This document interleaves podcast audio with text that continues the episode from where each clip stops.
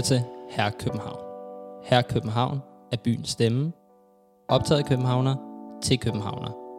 Det er byen som lyd med gæster, der har København under huden. Mit navn er Andreas Højberg. Velkommen til. Denne podcast er lavet i samarbejde med vores mediepartner Dont. Dagens gæst startede sit erhvervseventyr i en gammel københavnerlejlighed for 10 år siden. Et år senere åbnede de deres første butik sammen i selv samme lejlighed, og den dag i dag udlever de deres iværksætterdrøm sammen.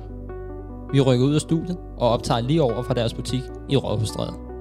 Og med det vil jeg sige velkommen til dig, Kasper Mølgaard, medstifter for Reset Sneaker Store. Mange tak skal du have. Er du klar til, at byen lærer dig lidt bedre at kende? Det er jeg i hvert fald. Udover min præsentation, jeg ved ikke, om man kan sige, hvor flot den var af dig, men øh, hvem er Kasper Mølgaard så? Kasper Mølgaard, han er en øh, 33-årig københavner, øh, nybagt far til en lille dreng, Anton, øh, som, som du siger, har været med til at stifte Reset for ja, næsten 10 år siden. Og tillykke, tillykke med det. Tak skal du have. Hvad betyder det for dig at gøre dig umage? Man kan sige, at Reset har været en del af min voksne identitet. Rigtig mange forbinder mig med Reset, og jeg forbinder mig selv rigtig meget med Reset. Så alt, hvad, alt, hvad jeg laver, det er, det er super vigtigt, øh, at, at vi gør os umage med det, fordi det er, det er lidt mig som afsender. Selvom vi har så mange ansatte, så føler jeg lidt, at det er, det er mig, der skal stå på mål for det. Og hvordan er det det der med, at når der ligesom sker ting og sager, det der med, at det hele falder ligesom tilbage på en? Det er mega fedt. Øh, jeg er så heldig at have så, så mange fede kollegaer, dygtige ansatte, medarbejdere, som gør et helt fantastisk stykke arbejde. Så det er, det er virkelig fedt. Man kan sige, hvis, hvis det gik dårligt, så ville det selvfølgelig ikke være så fedt, øh, at vi ikke kunne stå på mål for noget. Men øh, jeg står 100% inden for alt det, vores ansatte de går rundt og laver. Så det er, det er virkelig en stor fornøjelse. Har du altid vidst, du gerne vil være iværksætter? Øh, nej, det har jeg faktisk ikke. Men, øh, men når jeg tænker tilbage, så har jeg måske alligevel. Men øh, det har ikke sådan været en drøm for mig at skulle starte mit eget. Det dumpede lidt ned i min turban, mens jeg, mens jeg studerede. Og, øh, og på den måde, så, så sprang vi lidt ud i det, og jeg droppede ud af studiet. Så, så det, var, det var lidt ind fra siden, men, øh, men der er ikke nogen tvivl om, det og det er virkelig et fag, jeg befinder mig godt i. Og øh, jeg kunne da godt forestille mig, at jeg skulle prøve, prøve en iværksætter om et andet sted en anden dag. Så du føler helt sikkert, at det er den rigtige beslutning, du tog dengang med at droppe ud af studiet? 100 procent. Øh, ikke at jeg skal anbefale andre at gøre det, fordi man skal jo man skal måske have noget at falde tilbage på en dag. Men man kan sige, øh, for mig har, har Reset været, været min uddannelse. Og det er jeg virkelig glad for, at jeg tog den beslutning dengang, selvom mine forældre måske ikke var helt enige. Vi kan i hvert fald anbefale, at man skal gøre sin uddannelse færdig, selvom jeg heller ikke har gjort det. Jeg droppet også ud for at blive fotograf. Perfekt. Hvor kommer din kærlighed til sneakers ind ifra? Jamen, den kommer lidt forskellige steder fra. Altså, jeg har spillet basket som ung, og øh, har haft et par Jordans og et par Scottie Pippen øh, sko, da jeg, var, da jeg var helt lille. Øh, så har jeg løbet rigtig meget så har jeg altid gået op i, hvad jeg havde på mine fødder. Om det var øh, på basketbanen, på fodboldbanen eller på løbebanen, så har det altid været øh, de her store stjerners sko, støvler, man, man skulle have på. Så på den måde er det ligesom kickstartet der. Det er ikke sådan, jeg har haft et idol, som har gået i sneakers, eller jeg har fået inspiration fra hiphop-verdenen, som så mange andre i den her branche. Det er bare sådan lidt kærligheden til produkterne, den ligesom er, er udsprunget af. Jeg har set lidt på på lidt af dine sociale medier, men også på en video på Facebook, at øh, du kører mountainbike. Ja. Er det øh, din måde at finde et øh, frirum på i sådan en her hverdag her? Ja, det er det. Altså man kan sige, at jeg er så heldig at have, øh, have, have kombineret øh, min hobby med mit arbejde. Så, så, så selvom der selvfølgelig er hårde dage, så, er, så kan jeg også godt have et frirum på mit arbejde. Men, øh, men ja, mountainbike, skov, øh, jeg kører også øh, lidt landevejscykling, er, er et af de steder, hvor jeg sagtens kan finde noget frirum. Det er, det er en dejlig måde at koble af på at tænke på noget andet end, end gummisko. Nu synes jeg, at vi skal have lidt musik, og i dagens anledning har jeg jo bedt om at, at tage et track med, mm. som har haft en form for betydning for dig. Og jeg, jeg tænker, at vi tager tracket først, og ja. så kan du fortælle lidt bagefter. Så her er Ukan Kunstner med Gennem byen.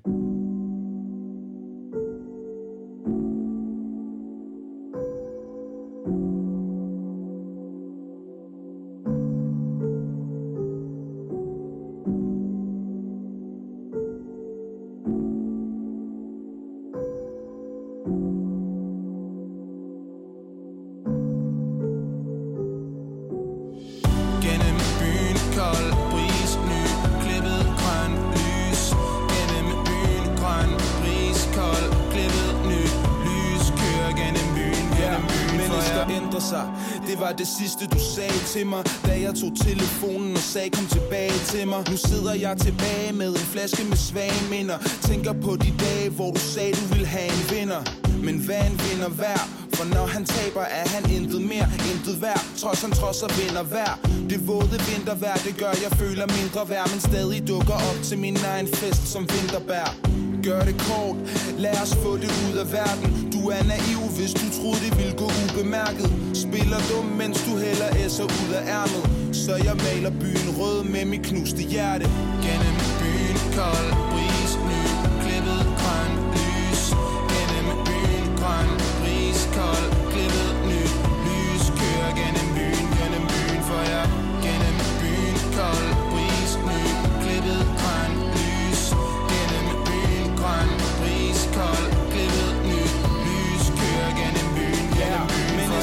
Ændrer sig.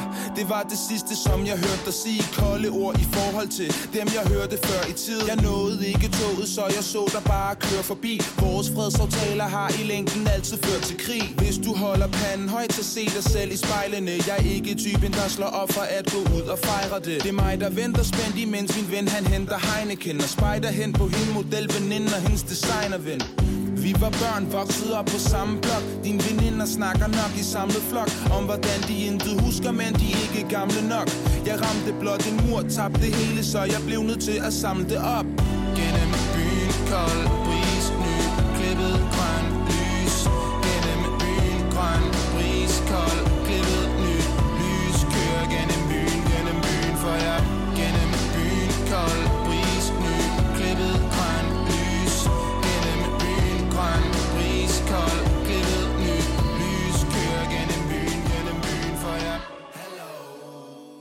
Hvis du vil fortælle lidt om, hvad, hvad det her track det øh, har betydet for dig. Jamen, øh, da du bad mig om at finde nogle tracks, så, øh, så var det helt klart det første nummer, der, der poppede op i mit hoved.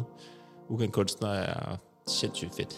Øh, jeg har, øh, har lyttet virkelig meget til det, og øh, da vi skulle åbne vores første store butik i Aarhus, øh, lavede vi en aftale med dem, om de skulle spille til vores åbningsfest.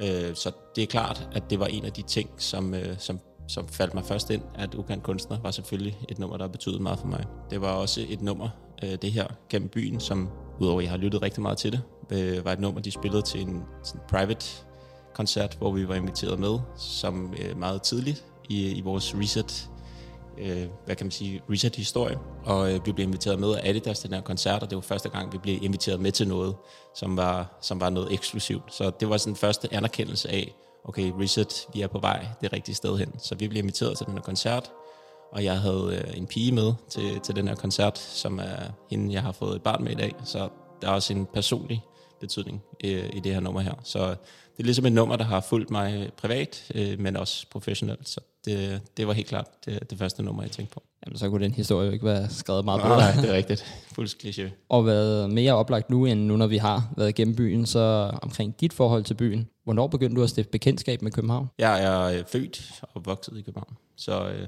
det gjorde jeg for 33 år siden. Jeg er født i Emdrup. Nogle vil ikke sige, at det er København, men postnummeret er 2100, så, så jeg føler mig øh, som en ægte københavner. Og hvor stor en del af København betyder for dig? Jamen, det betyder jo meget for ens identitet. Altså, jeg elsker byen fuldstændig. Øh, alt, hvad den har at byde på. Jeg elsker også at rejse, men København er min by. Jeg elsker at vise den frem, hvis der er nogle turister, der kommer på besøg, eller der kommer over i butikken, og jeg står derovre og spørger, hvor man skal, hvor man skal gå hen. Jamen, øh, jeg elsker at fortælle om steder, de skal tage hen. Madsteder, øh, steder, de kan slappe af, steder, de kan besøge, steder, de kan se. Det er, København er alt. Det er verdens fedeste by. Det er der ikke nogen tvivl om. Og netop det, det kommer vi tilbage til senere, når du får lov til at komme med nogle, med nogle anbefalinger Okay, til vores lytter. Ja. Udover den historie, du lige har fortalt nu der med Adidas og det, Mm-hmm. har du en anden speciel historie tilknyttet til byen, et eller andet sted i byen, hvor du, hvor du tænker, ah, der, der skete der det dengang, eller et eller andet? Altså, så, så, så må det være herinde, hvor vi sidder, Rådhusstræde. Øh, det er øh, virkelig et sted, jeg har kommet meget de sidste 10 år, men det er også et sted, hvor jeg fik lov til at prøve vores iværksætterdrøm af, og et sted, hvor jeg så er kommet hver dag de sidste 10 år, men også hvor at vi har oplevet en masse, masse spændende ting. Vi har afholdt distortion ude på gaden, vi har holdt live sessions, vi har holdt minikoncerter, vi har holdt events. Der er virkelig sket mange ting, så, så hvis der er et sted, jeg skal sige, der, er- der betyder meget for mig, så er det klart Rådhusstræde. Så det bedste, du kan lide ved byen, det er egentlig den her gade hernede. Det er det, og området omkring det. Det er, det er sådan en lidt glemt del af byen, synes jeg. Det er den dårlige ende af strøget. Det er Nytorv Gammeltorv, hvor der er panfløjter og dårlige caféer. øh, ud over en anden café, der ligger lige ved siden af vores butik, som selvfølgelig er den bedste i byen. Men ellers så er det et, et glemt sted i byen. Øh, da vi åbnede hernede, der lå der ingen butikker, der lå ingen restauranter, der lå ingenting. Det var virkelig bare en gennemkørselsgade, en rødhusstræde. Men der er virkelig kommet mange ting. Der har selvfølgelig været strædet med en masse caféer, men, øh, men, men udover det at har der ikke været så meget her. Og, øh, og det er bare et, et glemt sted. Der er stille om aftenen, der er byretten, hvor der er en helt særlig ro omkring øh, om aftenen, men en særlig gang i den, når der er Peter Madsen og, og LTF. Men er du ikke også meget glad for, at I ikke ligger på selve strået, at I ligesom har en lidt sidegadeagtig, ligesom med de der nichebutikker, at de ikke ligger lige ude ved alle turisterne? Jo, altså man kan sige, øh, til at starte med var det jo et spørgsmål om økonomi. Det er en gammel lejlighed, så da vi overtog den, der var der lyserøde vægge, grønne lofter og brune gulve. Det var, det var noget af et sted, vi, vi fandt, og, og det var selvfølgelig mega billig. Så det var derfor, vi valgte det her nede. Øh, men selvfølgelig, vi skulle ikke ligge som en stor strøgbutik af den årsag, at det skulle være en destination, frem for at være et sted, hvor bare, folk bare kom forbi. Og det, det er det, jeg synes, vi har lykkes rigtig godt med, med butikken her i Rådhusstræde, som er en, en stuelejlighed, hvor folk virkelig skal kende til os. Man går ikke bare lige forbi og, og kommer op i butikken. Da vi startede butikken som en lille sidebemærkning, havde vi heller ikke nogen skilte på gaden, fordi vi tænkte, Facebook, det var dengang, man brugte Facebook rigtig meget til, til at at annoncere, eller til at lave post og opslag. I havde ikke ham der med, med pizzaskiltet ude for, for folk nej, til butikken? Nej, vi havde, vi havde ingenting, så, så, så, så det var ligesom det, vi håbede på. Og der gik lige en måned, hvor der ikke rigtig kom nogen folk ind, så tænkte vi, okay, det kan godt være, at vi lige skal prøve at have et skilt nede på gaden, men, øh, men det, var ligesom, øh, det var ligesom det. Synes du, København er en god by for iværksætter? Ja, det synes jeg. Øh, jeg synes, der er mange, der tager rigtig godt imod, om det er mad, øh, om det er butikker, eller om det er kunsttilsag, så synes jeg, at København, københavnere eller folk, der kommer til byen, er rigtig gode til at besøge de her steder. Selvfølgelig skal det være en høj kvalitet, det, det siger sig selv. Men, øh, men ja, generelt set. Det er klart, de sidste par år, hvor der er kommet Instagram, det er nemmere at finde nye steder, og kultur, øh, sektionen i politikken, eller AOK, eller hvem det nu er, man, man følger, de er også gode til at skrive om de her nye steder. De, de tager ikke kun de etablerede steder. Så, så jeg synes, at generelt set, så, så er det en god by for iværksætter. Og altså her til sidst i Københavner-emnet her, hvordan vil du beskrive din egen indre by? Min egen indre by? Øhm, den er rolig. Den er, den er rigtig rolig. Jeg har, jeg føler, jeg har rigtig godt styr på de indre rammer, og jeg har et frirum inde i mig selv, som jeg, som jeg nyder godt af fra, fra tid til anden. Og, og så har jeg en fantastisk kæreste, som er som støtter mig i alt, hvad jeg laver, om det er reset eller om det er noget andet. Så den er, den er rigtig rolig. Jeg har også taget track med her i dag, og det er med min ven Aisket, som har lavet en ny EP, som tager os tilbage til dengang han var barn. Så her er Aisket med dengang.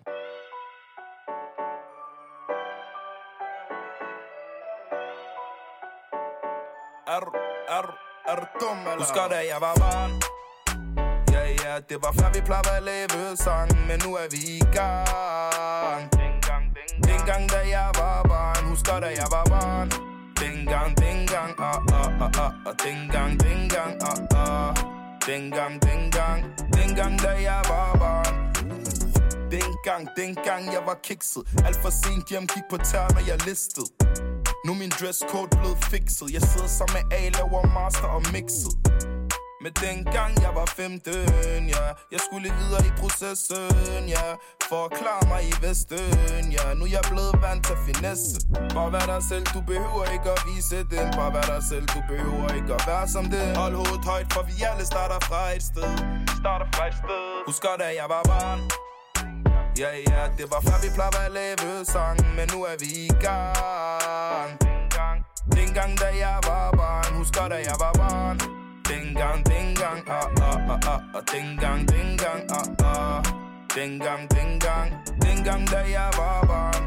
Ja, husker tilbage til dengang jeg var buttet. Dengang jeg var ukendt, dengang de ikke shuffede Dengang jeg prøvede at tage fat, damerne smuttede. Men se mig nu, nu er jeg helt top tunet Men nu er jeg ikke til pjat, for nu går jeg all in. Følelsen af maraton, snart er vi ballen. Jeg husker tiderne i Østervang Kan aldrig glemme de minder fra min opgang. Husker da jeg var barn. Ja, ja, det var før vi plejede at lave sang Men nu er vi i gang. Dengang da jeg var barn Husker da jeg var barn. Dengang, dengang, ah, ah, ah, ah. Dengang, dengang, ah, ah. Dengang, dengang, dengang da jeg var barn Husker da jeg var barn. Ja, ja, det var før vi plejede at lave sang Men nu er vi i gang. Nu synes jeg, du skal tage os tilbage til den gang, hvor du slash I kom på ideen til Research Store i den gamle Københavnerlejlighed. Jeg har arbejdet i en fodboldforretning, der hedder Unisport, i en del år. Og øh, ja, som inkarneret fodboldfan af Arsenal og FC København, så, øh, så faldt, det, faldt, det mig, faldt det mig lige en arbejde der. Og øh, ejeren af Unisport, Henrik Larsen, og en fyr, der hedder Mathias, min, en af mine rigtig gode venner, som også er en del af Reset i dag. Vi havde en, en ting for, for sneakers, så når indkøberne fra Unisport skulle købe fodboldtrøjer og fodboldstøvler, så fik vi lov til at se katalogerne for sneakers, fordi så kunne vi lægge en ordre på sneakers, som vi så kunne få et halvt år efter, bare til os selv. Det gjorde vi så en, en del år, og da Henrik så solgte Unisport til en kapitalfond, flyttede til Ibiza, så holdt vi kontakten ved lige og aftalte, at en eller anden dag, så skulle vi måske kigge ind i det der med sneakers, om det var, at vi bare skulle købe nogle flere sammen, eller, eller hvad der ligesom skulle ske. Og efter et par år, så startede Henrik rent faktisk Reset på Ibiza. Så han startede en lille bitte sneakerbutik i en lille ø, eller en lille by på øen Ibiza. Ikke den store by, festbyen, men en lille by, der hedder Santa Eulalia. Så der startede Henrik øh, Reset Sneaker Store, eller bare Reset, som han kaldte den dengang. Og så købte jeg ind for Reset på Ibiza via telefon. Så han sendte nogle billeder og sagde, hvad for nogle sko skal vi købe? Og så sagde jeg, jeg synes, vi skal købe de her, og så køb, eller jeg synes, du skal købe de her, og så købte dem dem. Og så gik det nogle år, og så havde han en konkurrenceklausul i, her i Danmark, og så sagde han, nu er den gået, skal vi ikke til at få startet Reset, eller en sneakerbutik i Danmark. Det sagde vi, jamen det skal vi da have kigget på. Jeg var selv under studie, øh, Mathias var øh, i gang med sit studie, så vi, vi tog snakken op og gik i gang med at kigge efter lokaler, og snakke om, hvad der egentlig skulle ske. Vi fandt så lokalet i Rådhusstræde og gik i gang med at tænke over, hvad skal der ske, hvordan skal den se ud, hvad skal den hedde, alle de her ting her, og var egentlig mere eller mindre besluttet på, at det skulle være samme koncept i København som i Ibiza, det vil sige, at konceptet på Ibiza skulle laves fuldstændig om, og vi skulle starte på ny her i København. Desværre blev Henrik ramt af kraft, lige da vi skulle til at åbne butikken, så, så vi valgte at sige, at det her det er reset i København, for ligesom at føre det videre øh, i København, selvom det er et fuldstændig nyt koncept. Så vi stod ligesom for, for det hele heroppe, og for hvilket koncept det skulle være. Og selvom vi egentlig har snakket om, at det skulle være et nyt navn, så be, besluttede vi for os, os for at beholde navnet Reset, da vi synes det var i Henriks ånd. Henrik døde desværre et par uger efter, vi åbnede butikken. Så, så vi er rigtig glade for den dag i dag, at vi beholdt navnet Reset, øh, som var Henriks valg, og, og på den måde førte, førte Reset videre i hans ånd. Hvor meget betyder det for dig, det der med, at I ligesom lever videre på, på hans ånd? Jamen, det betyder selvfølgelig noget for vores, vores øh, baggrund. Det, det var det, ligesom vi startede på. Henrik gav os muligheden for det. Vi havde to gange SU og to lejligheder, så der var ikke så mange penge ud over det. Så han gav os muligheden for at kaste os ud i det her iværksætteri. Henrik gav os muligheden for at gøre det på vores måde. Der var ikke nogen, der sagde, her er nogle penge, gør det på min måde. Han sagde, her er et let penge, gør det på jeres måde. Og det var jo det var mega fedt at få lov til det, som, øh, som 24, 23-årig og 24-årig, at sige, okay, her, selv nogle gummisko, gør det den måde, I vil, I vil gøre det på. Køb de gummisko, I gerne vil have, og lav den butik, I gerne vil have. Og hvilke tanker går der igennem hovedet nu? Nu er jeg selv 24, altså når, når du er i den alder der, og får den mulighed der, hvad, hvad kommer der så af tanker op i hovedet på en? Gør det så godt, du kan. Det er det. Er det. Lev op til den mulighed, du har, du har fået tildelt, og, og sørg for, at arven efter Henrik, sørg for, at hans familie får det godt, sørg for, at hans kone og hans børn lever videre, sådan så at, at de kan blive forsørget af nogle af de penge, vi tjener i Reset. Så det er klart, vi, vi følte også, at der var et eller andet ansvar på vores skuldre, som vi skulle løfte, og at Henrik havde givet os den mulighed, gjorde, gjorde bare iveren til at gøre det endnu bedre, også iveren til at gøre det endnu bedre, større. Hvad betyder det for dig at kunne udleve din egen drøm i form af, i form af reset? En ting er drømmen om at sælge gummisko. Det kunne jeg også sagtens have gjort øh, ved selv at stå i butikken i dag øh, med Mathias ved min side. Men det er lige så stor en gave at arbejde sammen med de mennesker, vi arbejder sammen med i dag. At få lov til at ansætte så mange unge mennesker, som lever videre i Henriks ånd, eller vores ånd, vores drøm, kald det, kald det hvad du vil. Det er, det er klart det fedeste, at lave de tiltag, vi laver. Lave web-tv, lave en masse shoots, åbne fire butikker, øh, lave så mange ting, som man sjældent ser en, en butik øh, i vores størrelse lave. Det er suverænt det fedeste. Og det med, at det ligesom har været et vindeprojekt fra start af, har det, det har vi vel også haft. Sin aftryk. Ja, sin aftryk. Jamen det har det, og det har det hele vejen igennem øh, i dag. Altså jeg sidder stadig over for Mathias den dag i dag og kigger på ham, og, og det er klart, når der er to rigtig gode venner, der åbner en forretning og driver den videre i, her på 9. år, betyder selvfølgelig, at hele miljøet, i hele ånden i Reset er ekstremt venskabelig. Vi har ikke en topstyret organisation, selvom det er os, der sidder for bordenden. Det er en meget venskabelig tone, og, og folk på kontoret og butikkerne imellem er virkelig, virkelig tætte. Og det betyder selvfølgelig også rigtig meget, at folk har det godt på vores arbejdsplads. Vi har skabt et miljø, som folk godt kan lide at være i, og vi har taget betragtning af. Vi er næsten 50 ansatte, har haft ekstremt få fyringer slash, slash opsigelser øh, i de sidste, eller i hele vores levetid. Så, så det er selvfølgelig mindst lige så stolt af, at folk synes, det er et fedt sted at være. Det, det, betyder, det betyder alt for mig, at vores, vores medarbejdere, vores ansatte har det godt. Og i forhold til sneakerkulturudviklingen, i hvert fald i Danmark, hvor, hvor stor en rolle synes du sig selv, I har haft i den? Det er svært at sige. Øh, jeg synes, den har været stor. Jeg synes, vi er med til at drive kulturen. Vi, vi laver web-tv, vi laver vi snakker om sko, vi, vi driver kulturen, øh, vi er med til at drive kulturen, vi er med til at sætte vores aftryk på, hvordan folk skal se ud, når de går på gaderne i København. Og det er klart, at vi sælger en del, en del par sneakers i løbet af et år, og, og det er 95 procent af dem, vi sælger i Danmark, så det er klart, det, når man ser et par sko, så er der stor sandsynlighed for, at de, de er købt i Reset. Så jeg føler, at vi har noget at skulle have sagt omkring, hvad, hvad folk gerne vil have på. Selvfølgelig er det brandsene, der, der bestemmer, hvilke modeller de vil sælge til os, men vi bestemmer, bestemmer i sidste ende, hvad vi gerne vil have på hylderne. Men også i forhold til hele modebilledet, det der med, at folk er begyndt at bruge sneakers, når de slapper af, når de tager i byen, når, når de skal have jakkesæt på, så ser du også folk med sneakers. Det er vel, det er vel også meget dejligt at se som, en, der, der sælger dem. Helt bestemt, og det er, jo, det er jo det, der har været med til at, at gøre os til, hvem vi er i dag. At, at folk ligesom har, at det er blevet almands eje. Øh, det er normalt at have 3, 4, 5, 6, 10, 20, 50 par sneakers, Hvorimod, hvis man sagde for 10 år siden, jeg har 20 par sneakers, så tror jeg, at folk ville falde på halen. Så det er, jo, det er jo selvfølgelig mega fedt, at folk ser det som en accessory, en nødvendig accessory til dit outfit, at du skal have sneakers, der passer til mange outfits, ikke kun et par udtrådte Humlen sneakers. Og hvor mange har du selv? Altså, jeg, jeg samler ikke rigtigt. Jeg er ikke sådan en, der opbevarer øh, mine sko i kasser, selvom jeg har mange sko i kasser, øh, og gemmer dem, ligesom for at have dem liggende. Men øh, jeg har vel på den gode side af 250 par. Som du har derhjemme, eller? Ja. Op i lejligheden, eller nede i kælderen? På loftet. Er der nogle af dem, som du, du går op nogle gange for at tage på, eller, eller er det nogen, som der ligesom er outdated og bliver deroppe? Altså, jeg prøver at skifte ud i det. det er, altså, hvis jeg skulle bestemme, så stod de selvfølgelig nede i lejligheden. Men, øh, men min kæreste har ligesom bestemt, at de skulle stå deroppe, så jeg må køre med et rotationsprincip, og så kun have en 30-40 par i rotation ad gangen. Der skal også være plads til den nye baby. Ja, det er rigtigt, det er rigtigt. Har du et yndlingspar egentlig? Jeg har ikke et yndlingspar faktisk. Øh, generelt set kan, har jeg altid været mest til Nike. Øh, jeg har en svaghed for Air Max 1 og Air Zoom Spirit det er, det er ligesom nogle favoritter. Hvornår kom tanken ind over det med at sælge Reset Store til en øh, kapitalfond? Det gjorde det, fordi vi gerne ville drive Reset til mere end hvad det var. Vi, øh, vi synes potentialet var der. Vi synes, det var mega spændende, det vi gik og lavede, og vi kunne føle, at der, der var interesse i markedet. Men i og med, at vi drev det videre, øh, Mathias og jeg, sammen med øh, Henriks Inge, og, og der, ikke, der ikke var flere penge, så skulle vi ligesom ud og finde ud af, hvordan er det, vi, vi vækster den her virksomhed. Og da det var under finanskrisen, så går man ikke bare lige ned i sin bank og siger, vi synes, det er mega fedt at sælge gummisko. Vi vil gerne sælge endnu flere. Øh, ej, jeg må nok hellere kalde det sneakers for nu af. øh, flere sneakers, det, det, synes, øh, det var der ikke nogen banker, der synes det var en fed idé. Så, så vi kunne ikke, altså vi havde ikke nogen kassekredit. Vi kørte de første øh, tre år uden kassekredit. Så, så det, var, det var ikke nogen god idé. Øh, det var der i hvert fald ikke nogen, der synes. Så, så det er klart, at vi skal ud og finde ud af, hvordan er det, vi finder nogle penge.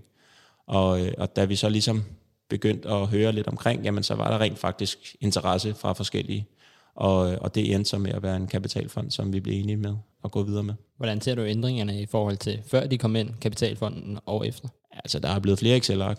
Det, det er der. og, øh, og jeg har ikke lige så mange timer på gulvet. Eller det vil sige, jeg har næsten ikke nogen timer på gulvet. Det, det håber jeg på at kunne leve om på øh, meget snart, fordi jeg, jeg kan stadig godt lide, rigtig godt lide at stå ude i butikken, selvom øh, jeg desværre ikke gør det så meget. Men der er selvfølgelig nogle budgetter, man skal leve op til. Der er nogle vækstmål, man skal leve op til. Og, og det, er, det er selvfølgelig en stor ændring. Derudover så er, er det også en stor organisation, så der er selvfølgelig også rigtig meget politik i det.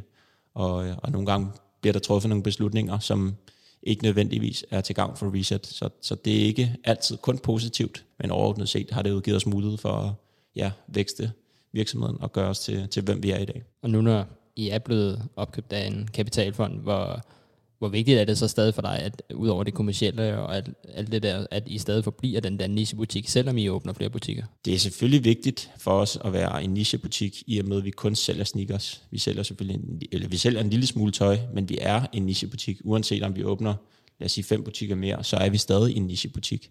Og det vil vi være af den ånd, vi har, og den måde, vi, vi producerer øh, det materiale, vi gør, og den måde, vi brander os selv på.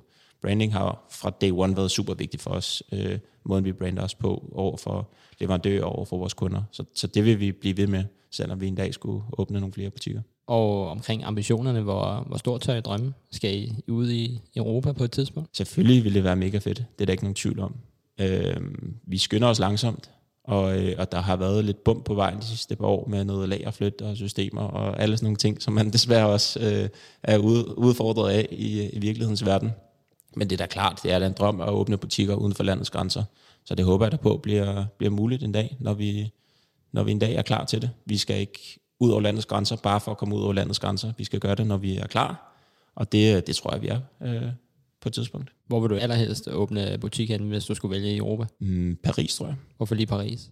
Det er en fed by. Jeg elsker at komme til Paris. Jeg synes, det er en helt unik destination, både som, som generelt turist, øh, eller som, som normal turist, øh, men også som en sneaker-destination. Der er sindssygt mange sneakerbutikker i Paris, og der er meget få, der er lykkes med at gøre et godt stykke arbejde.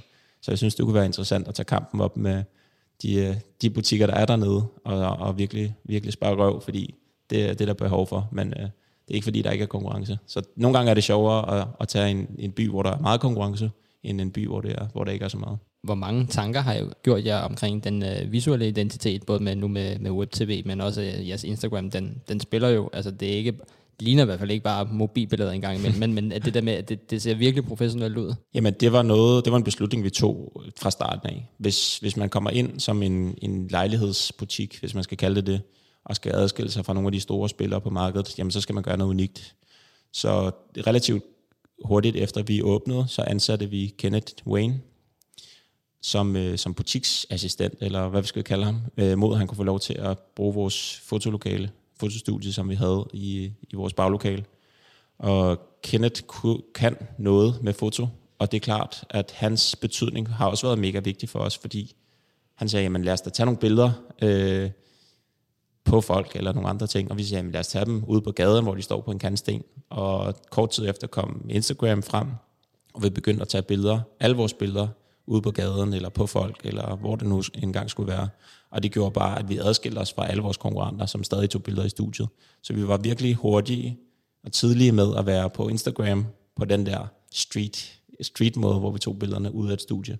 Og, og det var noget, vi kunne se, jamen det er en vej, vi skal gå. Så, så siden dengang har alt, vi, vi har lavet, været virkelig stærkt præget af, at det skulle være sindssygt gennemarbejdet. Og det må jeg nok også tilskrive meget æren, øh, min kompagnon Mathias, fordi han er perfektionist ud til det yderste. Så, så, så hver gang vi sender noget ud, jamen, så har det været øh, perfekt, øh, hvis, hvis man skal sige det sådan. Og, og igen, hvis man skal vende tilbage til, hvorfor vi gør det, jamen vi skal adskille os. Vi synes, at det er vigtigt, at vi ikke bare laver det, alle andre gør. Øh, folk må gerne lave det, vi gør, men vi kigger ikke så meget på, hvad andre gør. Vi, vi kigger på, hvad mangler der? Hvor, hvordan kan vi adskille os fra vores konkurrenter? Fordi hvis vi skal konkurrere med Boost, Zalando, Amazon, øh, Snickers and Stuff, JD og så videre, hvad det nu ellers hedder, jamen så skal man gøre det på en anden måde. Vi har slet ikke kræfterne eller, eller styrken til at skulle, skulle konkurrere på de samme parametre, så vi skal gøre noget helt andet, og det synes vi, vi gør. Og nu når der er så meget snak for eksempel om klimaet og CSR, er det nogle tanker, I gør jer om her? Ja, det er det. Øhm, det er jo nogle gange svært, når vi sælger andres produkter. Så vi kan selvfølgelig sige, at vi vil gerne købe Adidas Parley sko, som er de her sko, som er produceret med fiskenet samlet op i verdens have, øh, eller i hvert fald med lidt fiskenet fra verdens have. Men det er de ting udenom, fordi vi kan jo ikke, vi kan ikke leve ved kun at sælge øh, parlige sko, fordi vi får måske 50 par, og så, så skal vi betale 50 medarbejdere i et år for, for at sælge dem. Så det, det, det kan vi ikke. Men, øh, men vi kan selvfølgelig påvirke vores leverandører og sige, jamen, vi vil gerne købe det, der er, det, der er bæredygtigt, øh, og, og støtte op om de historier, sådan så de også bliver bekræftet i, at det er den rigtige vej at gå. Derudover er det selvfølgelig alle de andre ting udenom, sådan noget med at udskifte øh, plastikposer med papirsposer, øh, sådan nogle af de lidt mindre beslutninger, eller købe tøj fra leverandører, jamen så sige, jamen vi vil gerne købe det, der er økologisk eller recycled, og sørge for, at ligesom, vi bekræfter leverandørerne i, at det er det rigtige, de gør, og købe de historier, som er bæredygtige. Det, det er det, vi kan gøre. Øh, og så ja, alt, hvad det ligger udenom. Så, så det prøver vi i, i et vist omfang. Og med det synes jeg, at vi skal tage næste track. Der har du haft et til med Ja. for Ice Cube med It Was A Good Day. Break.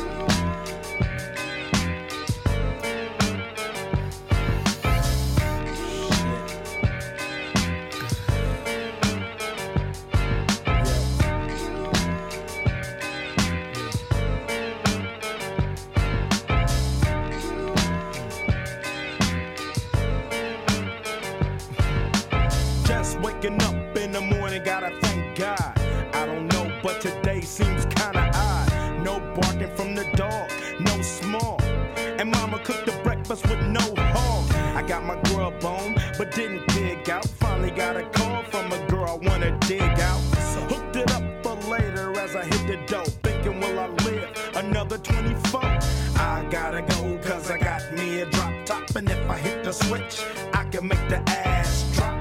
Had to stop at a red light, looking in my mirror, not a jacker in sight. And everything is alright. I got a beat from Kim, and she can fuck all night. Called up the homies, and I'm asking y'all, which part are y'all playing basketball? Get me on the court, and I'm troubled. Last week, fucked around and got a triple double. Freaking niggas every way like MJ. I can't believe today was a good day.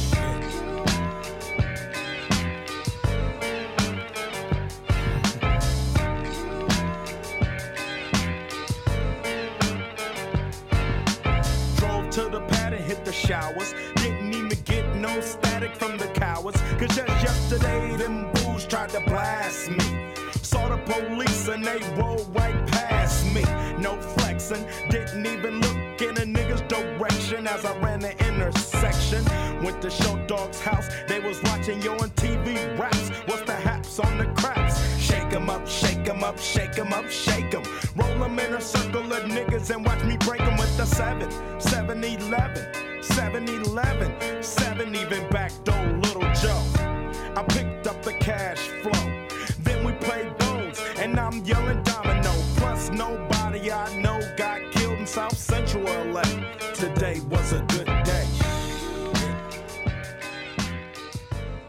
hvis du skal fortælle lidt om, hvad, hvad betyder det her for track for dig? Det var et track, jeg valgte, fordi det er bare god stemning. Altså det er good vibes all over the place. Det er sådan et nummer, jeg tænker, okay, det her, det er... Jeg har siddet og taget nogle billeder i baglokalet, stået i butikken, og så skal jeg på posthuset med, med pakker, og, øh, og så skal jeg ud og mødes med, med nogle af mine venner, øh, eller min kæreste. Det er, det er sådan et feel good nummer, hvor man som i dag, hvor solen skinner, skal, skal ud og cykle en tur i København. Så, så er det her et af mine numre, jeg altid sætter på. Det er sådan et, der altid får mig i godt humør. Er der nogle specifikke øh, succeskriterier, hvor du har tænkt, ah, okay, vi nåede dagens mål i dag, eller månedens mål, og så lige spillet den der? Nej, jeg, jeg tror bare, det er, en, det er en følelse. Det kan være øh, et godt salg, eller der har været en kunde inde, der, har, der er 80 år gammel, som man har givet en god oplevelse, eller man har haft et mega godt salg, eller, eller nogle andre gode ting. Det, det er ikke, der er ikke noget succeskriterie øh, bundet op på det. det. Det forhold har jeg ikke til noget musik som sådan. Det er, det er mere bare, det er bare et godt nummer. Vi vil jo gerne forkælde jer lytter her på her København, og så synes jeg, vi skal tage lidt anbefalinger fra dig. Ja. Hvis du skal ud og spise, alt efter om det er med venner, kæresten, hvor tager du hen? Jeg var for nylig på øh, en restaurant inde i Storkongsgade, der er Baraba, som er en af de bedste restaurantoplevelser, jeg har haft i lang stykke tid. Det var med to kollegaer herindefra, og, øh, og altså, jeg synes alt sad lige i skabet. Øh, det er en tidligere restaurantchef ude fra restaurant 108, som har åbnet sådan en lidt enfant terrible restaurant, hvor han har åbent til, køkkenet har åbent til klokken to, og han serverer naturvin, og bare italienske gode, gode, gode retter. Så det er suverænt min nummer et anbefaling. Og hvad kan du så anbefale for menuen derinde? Øh, jamen, hvad fanden var det, de havde? Ja, nu kommer jeg endda lidt til kort. der røg lidt for meget naturvin i, tror jeg. Men øh, så hvis vi øh, går videre til kaffen, hvor, øh, hvor drikker du den hen? Café Sonny, lige over på den anden side af gaden. Det er en af mine allerbedste venner, der hedder David, som har åbnet en café sammen med hans kæreste Sara, som ligger i Rødhusstræde nummer 5, og Reset ligger i Rådhusstræde nummer 7, og vores kontor ligger i Rådhusstræde nummer 6. Så vi har ligesom sådan en Bermuda-trekant herinde, og øh, jeg må sige, jeg, jeg frekventerer Sonny øh, rigtig ofte, og de, øh, David går sindssygt meget op i øh, beverages, og især kaffe, så han er rigtig, rigtig dygtig til kaffe, og det er suverænt byens bedste kaffe. Så kaffemaskinen her på kontoret bliver ikke brugt så meget? Den bliver brugt rigtig meget ved okay. siden af. øh, min, øh, jeg tror ikke, min pengepunkt ville kunne klare øh, at drikke kaffe på Sonny øh, otte gange om dagen, men, øh, men ja, det er, det er en kop om dagen, så må det være, må det være nok derovre. Og hvis du skal ud og, og være lidt godt humør, er du så en natklub, eller er du bartypen? På de seneste år måske mere øh, bartypen. Der ligger en rigtig stærk, øh, stærk café på, øh, på Nansensgade, der hedder Café Stjernen, som, øh, som jeg godt kan lide at se fodbold på med mine venner. Øh, og ellers så bliver det måske mere en Café Malmø, så jeg er måske mere til, til lidt mere snusket værtshus her på min lidt sen, sen, de senere år. Så det er øl, du godt kan lide at drikke? Øl kan jeg rigtig godt lide at drikke. Hvis du skulle sige sted her i København, så har du et yndlingssted? Nej, det har jeg ikke. Øh, altså jeg kan rigtig godt lide, når jeg tager på arbejde og veksle min rute lidt herind. Om det er at, at cykle en anden rute, eller gå gennem Kongens Have. Jeg elsker Kongens Have, især på off-tidspunkter, som på vej til arbejde, hvor der er stille, og der er måske lidt morgendis, øh, men der, der, der er bare dejlig stemning i Kongens Have, når der ikke er soundboxes og, øh, og grillarrangementer. Men, øh, men Kongens Have på sådan off-tidspunkter, det synes jeg er et helt fantastisk sted. Og udover, hvis vi nu udover Recess Store, hvor, hvor køber du så selv tøj, eller hvilke mærker går du med? Nu er jeg lige flyttet til Østerbro, og jeg synes, uh, Goods ude på Østerbrogade er en virkelig, virkelig sej butik. Jeg synes, det er sejt, at det er stifteren, der står inde i butikken og har et meget kurateret udvalg af brands og produkter, som jeg tit godt kan se mig selv i. Jeg er desværre lidt skadet af at have købt produkter i min egen butik, og at de mærker, vi nogle gange har gennem de sidste, sidste mange år, så jeg køber ikke så meget tøj ude. Men hvis det skulle være et sted, så kunne det sagtens være, være nede i Guds. Nu kan jeg se, at du har skjort på, men uh, hvilken, hvordan vil du beskrive din egen stil? Nu er jeg to meter høj, så jeg prøver at være sådan lidt afdæmpet, så jeg ikke ligner et eller andet fast lavnsris. Men, uh, men, uh, men den er sådan meget, meget casual. Uh, hvis jeg skal nævne et par brands, som er så måske sådan noget ABC, UMC, øh, Norse, som jeg, som jeg rigtig godt kan lide. Sådan meget basic, basic tøj, og så måske gak lidt mere ud på mine sko. Lad det blive de sidste ord fra i dag. Tak fordi jeg måtte komme forbi og snakke med dig, Kasper. Jamen, det, det var så lidt. Denne podcast er lavet i samarbejde med vores mediepartner Dont. Og husk, du kan følge os på Facebook, Twitter og Instagram, samt lytte til podcasten på alle podcasttjenester. Tak fordi du lyttede med. Ha' det godt.